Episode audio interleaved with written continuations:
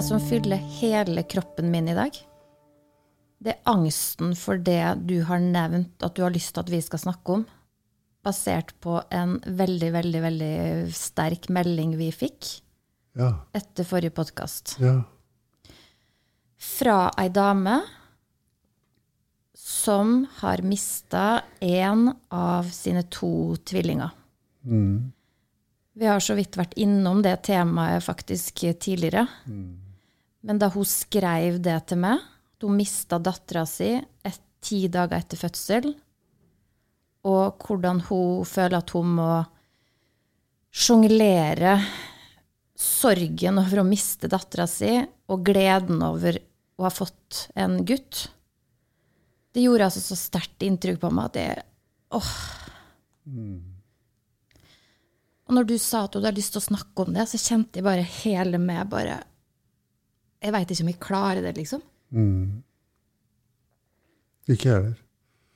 Men samtidig så vet jeg jo at eh, det er jo bare å begynne, og så ser vi. Og jeg syns det er utrolig modig gjort å sende oss det brevet, da. Det er så, modig. jeg blir så takknemlig over at noen sender oss et brev og sier 'jeg har opplevd det og det, kan dere ikke snakke om det?' Og så er det så smertefulle og nære ting, da. Og som alle mennesker trenger å komme i nærkontakt med, for det er selve livet, liksom. Og så kjennes det samtidig sånn helt Jeg er livredd for å ta i det. Det er som å ta i et bål. Ja. Det føles så skummelt, for man er så redd for å si noe feil. Man er så redd for å liksom Alt man har lyst til, er jo å si noe som gjør det bedre. Og så er man livredd for at man skal si noen ting som bare blir helt feil. Ja. Ja. Så jeg har egentlig gått hele veien fra bussen opp til det og bare tenkt åh, jeg bare håper Kaspar sier nå at han vil snakke om noe helt annet. Mm.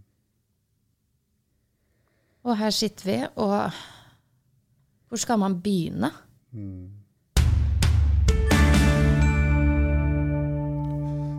Hun som har sendt oss det brevet, hun, jo, hun vet jo hvem hun har sendt det til, til en viss grad. For hun har hørt de andre podkastene, og hun uttrykte jo at hun satte veldig pris på de, og da vet hun noe om vår tilnærming til å snakke om uansett hva vi snakker om.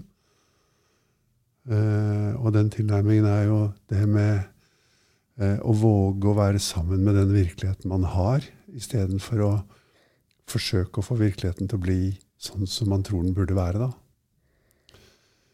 Eh, Satt på spissen, være for virkeligheten sånn som det er. Og når man kommer til en sånn erfaring som den hun har, og som mange har, da, å miste et barn Bare si og være for virkeligheten er, det er jo helt uhyrlig, liksom. Det, det, det er ikke Vi kan ikke starte der, liksom. Men det er jo det vi snakker om. det er jo at virkeligheten er sånn som den er. Jeg kjenner bare at jeg får bare lyst til å gråte og gråte og gråte. og gråte. Jeg, Ja. åh, det treffer så utrolig dypt da, når man har barn sjøl. Og, Ja. og liksom få den meldinga fra henne som, som var skrevet på en sånn utrolig verdig måte, Ja. samtidig som det var så mye sorg i det. For noen år siden så døde min svigerinne. Hun var i 50-årene. Hun døde av kreft. Lilland het hun. Og jeg husker så godt eh, den begravelsen. Det som gjorde så veldig inntrykk på meg, det var min svigerfar. Som som, eh, som var det Jeg så den smerten han erfarte da, ved å miste barnet sitt enda hun var over 50 år. Han var i 80-årene. Utrolig bunnløse fortvilelsen over å Det er jo sånn at man tenker man, altså Jeg tenker i hvert fall det er bedre at jeg dør, enn at datteren min dør, liksom. Så han, han erfarte det, og jeg tror det kanskje vil gjelde alltid. Eh, at det, det å miste barnet sitt er noe av det mest smertefulle man kan gå gjennom i livet, da. Det aktiverer veldig dyp smerte i oss. Men det er jo fordi det er så 100% feil. Ja. Det skal ikke være sånn. Når vi snakker om at ja, vi forholder oss til virkeligheten sånn som den er, så er virkeligheten sånn for oss fleste da, at ja, men sånn skal det ikke være. Nei. Nei, det er jo klart at vi uh, Det er veldig sterkt i oss, da. Det skal ikke være sånn. Jeg er sikker på det. Er en, ja, vi har vel erfart det, selv om ikke vi har mistet et barn. Uh, så er det nesten en fase uh, av å gå igjennom sånn, en sånn smertefull ting. Det er å fornekte det og si det burde ikke være sånn. Det skulle ikke være sånn. At det er kanskje en helt nødvendig fase da og en helt uunngåelig fase at vi gjør det. Sinnet vårt eh, tror jo at det vet hvordan livet skal være, og døden skal være, når den skal komme og sånn. Men sannheten er jo at vi vet jo ingenting om det. Sannheten er at vi vet null om hvordan, om når, når døden skal komme. Vi går rundt og tror at det er noe som heter en altfor tidlig død. ikke sant? Det er jo nærmest et begrep. Og det, er lett å se at det bare er en tanke vi deler da, eh, om virkeligheten. Mens virkeligheten er at nei, det eksisterer ikke. Mennesker dør i absolutt alle aldre. Og våre ideer om at vi har kontroll på livet og vi vet hvordan det skal være, de, de stemmer ikke med virkeligheten. Da. Det peker veldig i retning på noe som jeg syns er veldig, egentlig veldig godt å erkjenne det. Da, nemlig en, en erkjennelsen av at livet er ikke noen ting vi har, det er noen ting vi er gitt. Og det er hinsides vår kontroll. Det er noe vi får fra større krefter enn oss selv. Da. Og noen kanskje kan kalle det for uh, Her kommer man lett inn på religiøse løsninger. Religiøse forklaringer. Blitt terapeut så hadde jeg en lærer som var en tysk psykoterapeut som het Bert Hellinger og han er nå mange og 90 år, så vidt jeg vet, så er han yrkesaktiv ennå. Og han eh, Det var han som sa det der. Jeg, jeg skjønte nesten ikke hva han mente. Han sa det, det med at livet er gitt. Det er ikke noe du har. Det finnes ingen realitet bak vår tanke om at noen eh, noe er en for tidlig død. Det fins bare veldig dyp smerte som får oss til å tro det. da. Det høres så det høres så kaldt ut å si det, på en måte. Ja. Som om at det ikke stemmer at den sorgen er helt sånn altoverskyggende. Mm. Og det var jo overhodet ikke slik ment fra ham, det er jeg helt sikker på. Helt sikker. At det undervurderer ikke smerten ved tapet. Det, bare, det er bare en intelligent og kjølig må, måte å se på virkeligheten på. Det er, og det er ikke kaldt, men det er kjølig. Det er, eh, det er liksom Man holder hodet kaldt da, og hjertet varmt. Og sier at ja, sånn er det. Det der er jo ikke noen trøstetale. Nei, overhodet ikke. Nei.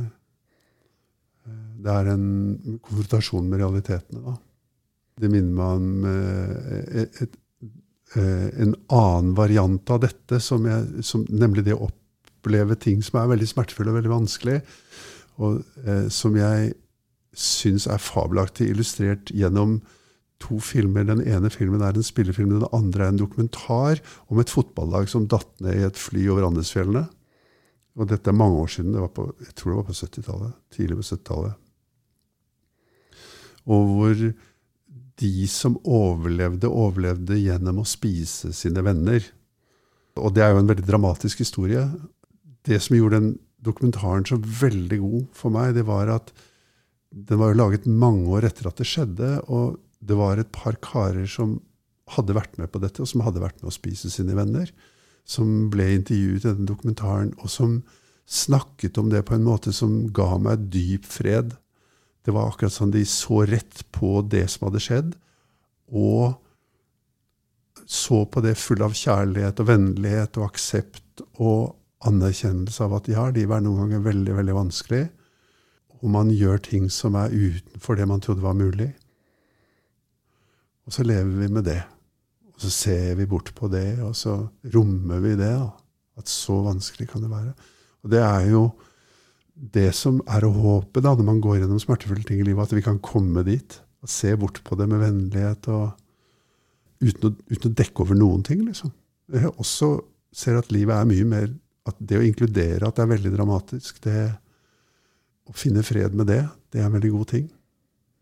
Det som er spesielt med den historien til hun som skrev til oss, Mm. det er jo at samtidig som hun skal håndtere en dyp, dyp sorg over å miste dattera si ti dager etter fødsel, så skal hun samtidig håndtere gleden over en sønn som etter fire måneder på Ullevål på intensiven overlever, og, og som hun skal være mamma for, forhåpentligvis i, i veldig, veldig mange år. Hvordan håndterer man den enorme kontrasten der, da? Og det var jo også det han sa til meg, han som, som jeg møtte på kiropraktorkontoret, som hadde mista sin 16 år gamle datter i kreft, og som fortsatt hadde en 16 år gammel tvilling som levde i beste velgående. Hvordan håndterer man Han snakka jo om mot til å velge livet. Men hvordan i huleste håndterer du det? Vi står overfor ting som vi føler at vi ikke klarer å håndtere. Eh, fordi det er så smertefullt, og fordi det er så stort sprik, f.eks. Sånn som det du forteller om nå, da. Eh, og at vi har så lite trening i å forholde oss til alle disse sammensatte og til deres motstridende følelsene. Da. Og at det der med å håndtere det handler om å være sammen med virkeligheten da, og legge seg tett inn til denne virkeligheten. Og kanskje trenger vi hjelp til det, for det er så vanskelig å være alene der. da.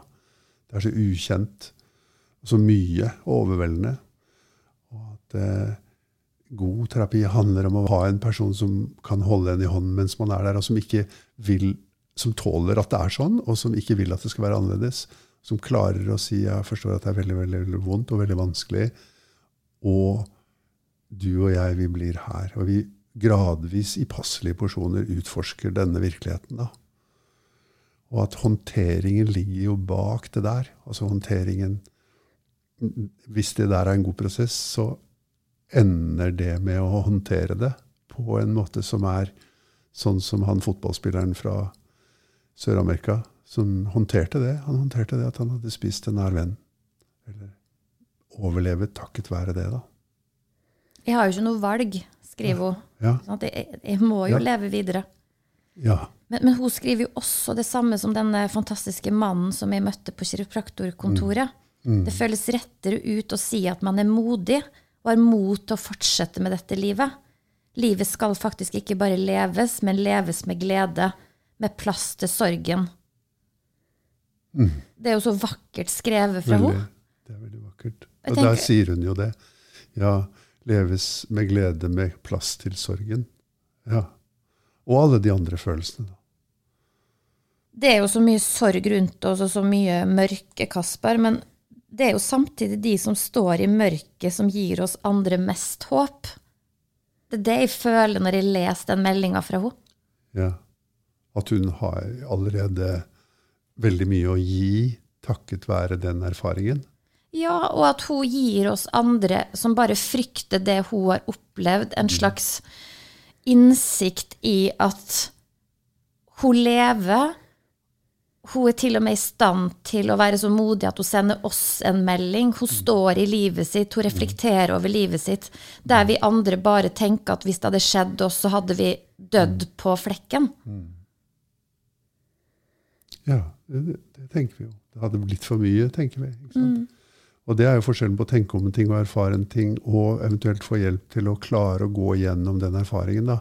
Men det, det er jo et veldig godt eksempel eh, på at eh, sorgen da er eh, At den bærer i seg potensialet til at vi skal bli dypere og større og modigere. Altså at det, det kan utvide livet vårt. Utvide vår livserfaring, vår evne til å erfare livets bredde. liksom. Ved, å, ved å, at det skjer uh, smertefulle ting. Det er jo ikke bare sorgen som har det, men vi tror jo veldig mye når vi får sånne smertefulle opplevelser, at de vil ødelegge oss. Altså, vi frykter dem, de følelsene. I hvert fall gjort det i livet mitt. Jeg husker det var en nær venn av meg som døde da jeg var i begynnelsen av 20-årene, som tok sitt eget liv. Og hun var så nær meg at jeg var omtrent den første som fikk vite det. Og jeg hadde også brukt mye mye tid på å prøve å hindre at hun skulle gjøre det. Eh, og jeg, jeg, kan ikke huske at jeg sørget, for jeg, hus, jeg, husker mye mer at jeg stengte av og bare At jeg tenkte masse. Jeg kan ikke huske sorgen, jeg kan ikke huske gråten. Jeg kan huske bare en slags voldsom indignasjon og fortvilelse som jeg ikke hadde noe sted å gå med, liksom, og som jeg ikke visste hvordan jeg skulle håndtere.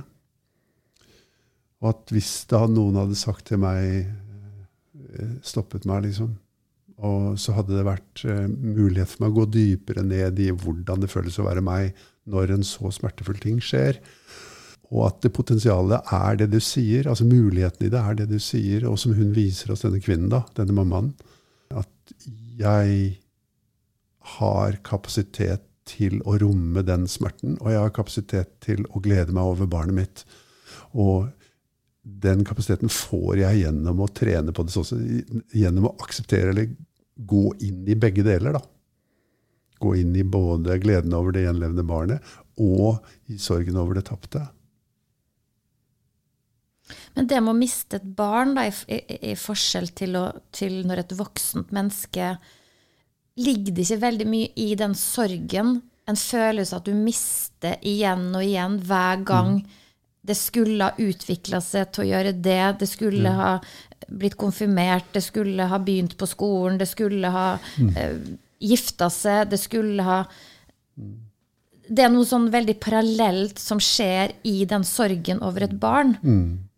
For det, du har jo en Man har jo en forestilling om hvordan det barnet skulle utvikle seg og bli. Mm. Ja, vi har det. Vi har en forestilling om det. Som eh, kolliderer med virkeligheten, da.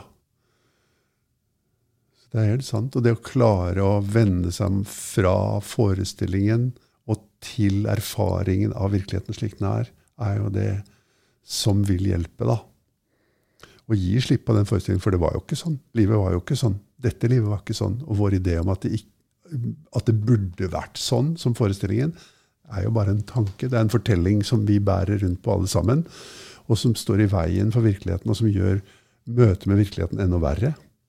Men det er vel helt umulig å ikke tenke Lurer på om hun hadde arva mine egenskaper. Lurer på om hun hadde blitt 1,70 høy.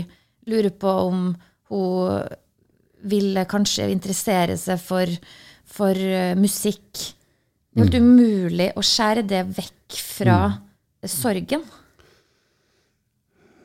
Ja. Alle de tankene eller forestillingene eller fortellingene eller filmene som er inni hodet, de vil jo være der, da. Og så lære seg å gjenkjenne det som det det er, og så lære seg å gjenkjenne virkeligheten som det det det er. Lære seg å gjenkjenne virkeligheten som det den er. Istedenfor å klamre seg til en fortelling. Det er vel kanskje det vi gjør, har lett for å gjøre. da. Når, slik, når vi ikke slipper til den sorgen, så, vi, så skjer det gjennom at vi klamrer oss til en eller annen fortelling eller en tanke i hodet vårt som holder sorgen på avstand. Fordi at sorgen er så skremmende, den er så stor, den er så grenseløs. Hvorfor er det så tabubelagt? Jeg har gått med angst i magen helt siden vi fikk den meldinga, og jeg kjente litt at det kanskje er noe vi blir nødt til å snakke om. Det mm. er så tabubelagt å snakke om å miste et barn. Det må jo være helt forferdelig vanskelig å være den som mister det barnet. Selvfølgelig, det, det er jo helt umulig i utgangspunktet. Men har vi andre rundt noe å bidra med, liksom? Når vi omtrent ikke tør å snakke om det engang? Det er jo ikke sikkert. Eneste er at hun har bedt oss om å gjøre det. Og det er noen som ber oss om å gjøre det, og da gjør vi det. Eh, og så vil det vise seg da, om noen har nytte av det. Sånn er det med alt vi sier. Ja, men jeg tenker, sånn, jeg tenker for hun i virkeligheten hennes òg. Folk som står henne nær, vennekrets, bekjente, naboer, skole. Vi har jo nesten ikke et språk for det.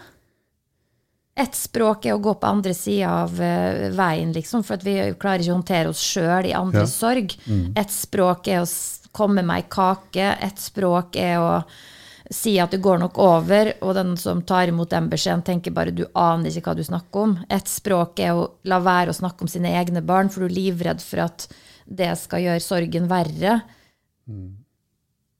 Ja, du, du, du gjør bare desperate ting da, fordi at, for at du ser en person i en desperat situasjon.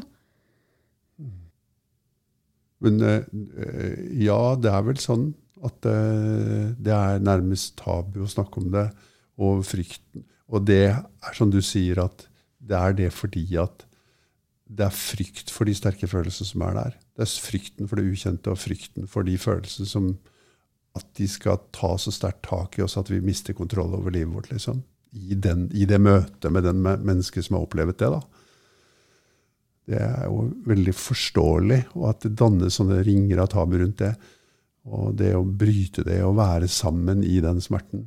Det, eller være sammen om den erfaringen, og være inntil mennesker som gjør dype erfaringer og smertefulle erfaringer, istedenfor å prøve å få, fortest mulig å få det til å bli normalt igjen. da. Det er det som kan få det til å bli bra. Ja, Bare være sammen med det mennesket og ikke si så veldig mye og ikke komme med så mange løsninger. Ja. For det fins jo ingen løsning. Nei. Så, eh, det å være sammen med og dele hvordan er det å være meg, liksom, når virkeligheten er sånn. Og, og det å tåle den, den, det mennesket som har lidd det store tapet, tåle det mennesket i all sin emosjonelle bredde, da. Jeg tror jo at uh, psykologene ville kalle sorg for en primær følelse. Det vil si at det er, en, det er ikke noe annet som ligger under det. liksom. Det er mange ting som ligger oppå det veldig ofte. ikke sant? Sinne, indignasjon, fortvilelse, motstand. De tingene kan ligge oppå, det er det vi ser. Men under sorgen det er, det er ikke noen flere følelser under der. Liksom. Det er en sånn slags grunnleggende menneskelig erfaring. Det er sorg. Og det kan bare Det fins bare én ting som leger det, og det er kjærligheten og viljen til å, eh, å være sammen med den virkeligheten, da. Det er ikke lindrende egentlig at noen sier det går snart over, eller du burde ikke gå så dypt i det. Det, ikke, det vil ikke lindre sorgen. Det som vil lindre sorgen, er å la den brenne ut. og si, Jeg tar den imot så lenge den kommer. Og en dag Det er jo den erfaringen jeg har gjort. At gjennom å gjøre det, så går sorgen Den forvandles etter hvert. Langsomt, men sikkert så vil den avta. Og så erstattes den av kjærlighet, aksept, eh, eh, andre ting som vi lengter etter, og som vi er glade for at fyller livet vårt. da. Jeg hadde aldri trodd at jeg skulle si det her. Men jeg skal altså lese et sitat fra Brad Pitt. ja, I en uh, podkast som handler om det temaet her. Ja. Eh, han gjorde et intervju med New York Times for ikke så lenge siden, og så sier han sannheten er at alle bærer på smerte, sorg og tap. Vi tilbringer mesteparten av tiden vår på å skjule det, men det finnes, det er i deg. Jeg syns det var så utrolig bra sagt. Ja. Og det er jo helt sant. Ja. Han har gått igjennom et smertefullt tap av eh, familierelasjon og ja, gudene veit hva som har skjedd der. men det, det, er ikke så veldig farlig, egentlig. Men at han mm. har gått igjennom en erkjennelse av at vi alle bærer på sorg. Vi bærer på tap, vi bærer på smerte. Mm. Og så kan man si at ja, men det den dama her har opplevd, det er så ekstremt. Ja, det er ekstremt, men vi har alle et snev av den samme følelsen da, i ulike settinger i livet vårt. Og så er liksom den tendensen til å sammenligne hva som er ekstremt, og hva som ikke er det, og hva som er mye og hva som er lite, det er jo bare en sammenligning med en tanke vi har oppi hodet vårt, det også. En fortelling om virkeligheten, da. Og som står imellom oss og erfaring av virkeligheten. Og hvis vi legger den at det er ekstremt til side, bare sier ja, dette er slik. Det er sånn denne virkeligheten er. Det er bare, da, vi kommer nærmere med en gang vi legger den sammenligningen til side. Også hvis man inkluderer uro i det du sa, i det, i det, og det Brad Pitt sier, um, at ja, alle mennesker bærer på stor uro inni seg, og den uroen er vi, vi er bare delvis klar over når vi skjønner vi kan ikke si at vi, Noen vil jo si at det kom av at det skjedde. Det, bestemte smertefulle hendelsene i livet mitt, f.eks. noe jeg opplevde i barndommen min, eller noe sånt, eller øh, var utsatt for en udåd av noe slag. Men også alle vi som ikke har opplevd eh, noe som er sånn som vi husker som veldig traumatisk, har denne uroen. Det er spesifikt menneskelig å ha en dyp indre uro som ligger i dypet vårt, og som vi forsøker å holde på avstand i livet vårt. Altså det er Automatisk prøver vi å holde på avstand. Og den typen hendelser, smertefulle hendelser som skjer, de, det bringer den uroen opp til overflaten. Mye mer for at den kommer på oss. Og hvis ikke vi, får, hvis ikke vi vet hvordan vi skal håndtere den, så vil den bestemme veldig over livet vårt. da. At vi prøver å holde den på avstand. Så ja, det er Alle mennesker bærer på indre smerte. Eh, det å møte den smerten og lære seg å bli kjent med den smerten og forske i den smerten, det er en vei til å få et godt liv. Uansett hva som skjer, da, til og med det å miste et barn. For sannheten er jo, sånn som han sa, han som hadde falt ned i flyet og spist vennen sin, at det går an å ha et godt liv selv om livet har vært sånn. Og sannsynligvis går det an å ha et godt liv når man, kom, når man har gått gjennom alle de tingene, og man har opplevd andre veldig smertefulle ting. Men i hvilken takt det skjer, og hvordan det skjer, det kan man jo ikke mene noe om. Det er, det er kjærligheten som gjør at vi er villige til å stå ved siden av den typen opplevelser og si det får ta den tiden det tar. Og det får kreve det det krever, og jeg blir her. Enten man er mammaen eller vennen til mammaen. ikke sant? Det får kreve det det krever, og jeg blir her. Fordi at det er dette som er mitt liv. Selv om jeg skulle ønske, og det er veldig lett å skjønne at man ønsker det, at det skulle være annerledes. Er du sjokkert over at du akkurat har sagt uh, Brad Pitt? Der borte fra den stolen? Nei, altså, det tenkte jeg ikke på. Det var jo han som ja, han, han, som hadde det, den uttalelsen, da. Ja. Mm. Det er så veldig rørende og nyttig at mennesker åpner opp og forteller om sine egne erfaringer på den måten som denne kvinnen har gjort, og som egentlig Brad Pitt også gjør, selv om han generaliserer veldig. da. Det kan jo være at det var mye mer i, bak der som han kunne fortalt. Men det at Tenk at noen mennesker skriver et sånt brev til deg og meg og ber oss om å snakke om det. Det er hvilken enorm tillitserklæring. Eh, og hvilket, hvilket, mot og ønske om å forholde seg til virkeligheten. Og bruke de midlene som man har til rådighet for å forholde seg til virkeligheten. Og trenge dypere inn i virkeligheten. Det minner meg om hun som sendte oss, som vi snakket om å bli dumpa. At eh, eh vi snakket om å bli dumpa, og vi snakket om, om det på en måte som kanskje overrasket henne. I hvert fall overrasket. Jeg har fått mange tilbakemeldinger om at det overrasket dem om at jeg snakket om det på den måten jeg gjorde. Og så sender det mennesket som har sendt oss det brevet, den kvinnen som har blitt dumpa, hun sender oss en takk for at vi snakket om det på den måten. Det rørte meg veldig. Var, jeg ble veldig glad over at Tenk at vi klarte det, at vi kom nærmere hverandre gjennom den samtalen. Selv om den ble sånn som den ble. Var jo en helt utrolig stor opplevelse. Jeg må bare lese opp et kinesisk visdomsord om angst og sorg, Kasper. Mm, så fint. Kanskje det er slik at angst veier mer enn sorg? At angsten kveler latteren og blokkerer de vakre minnene, mens sorgen kaller dem frem?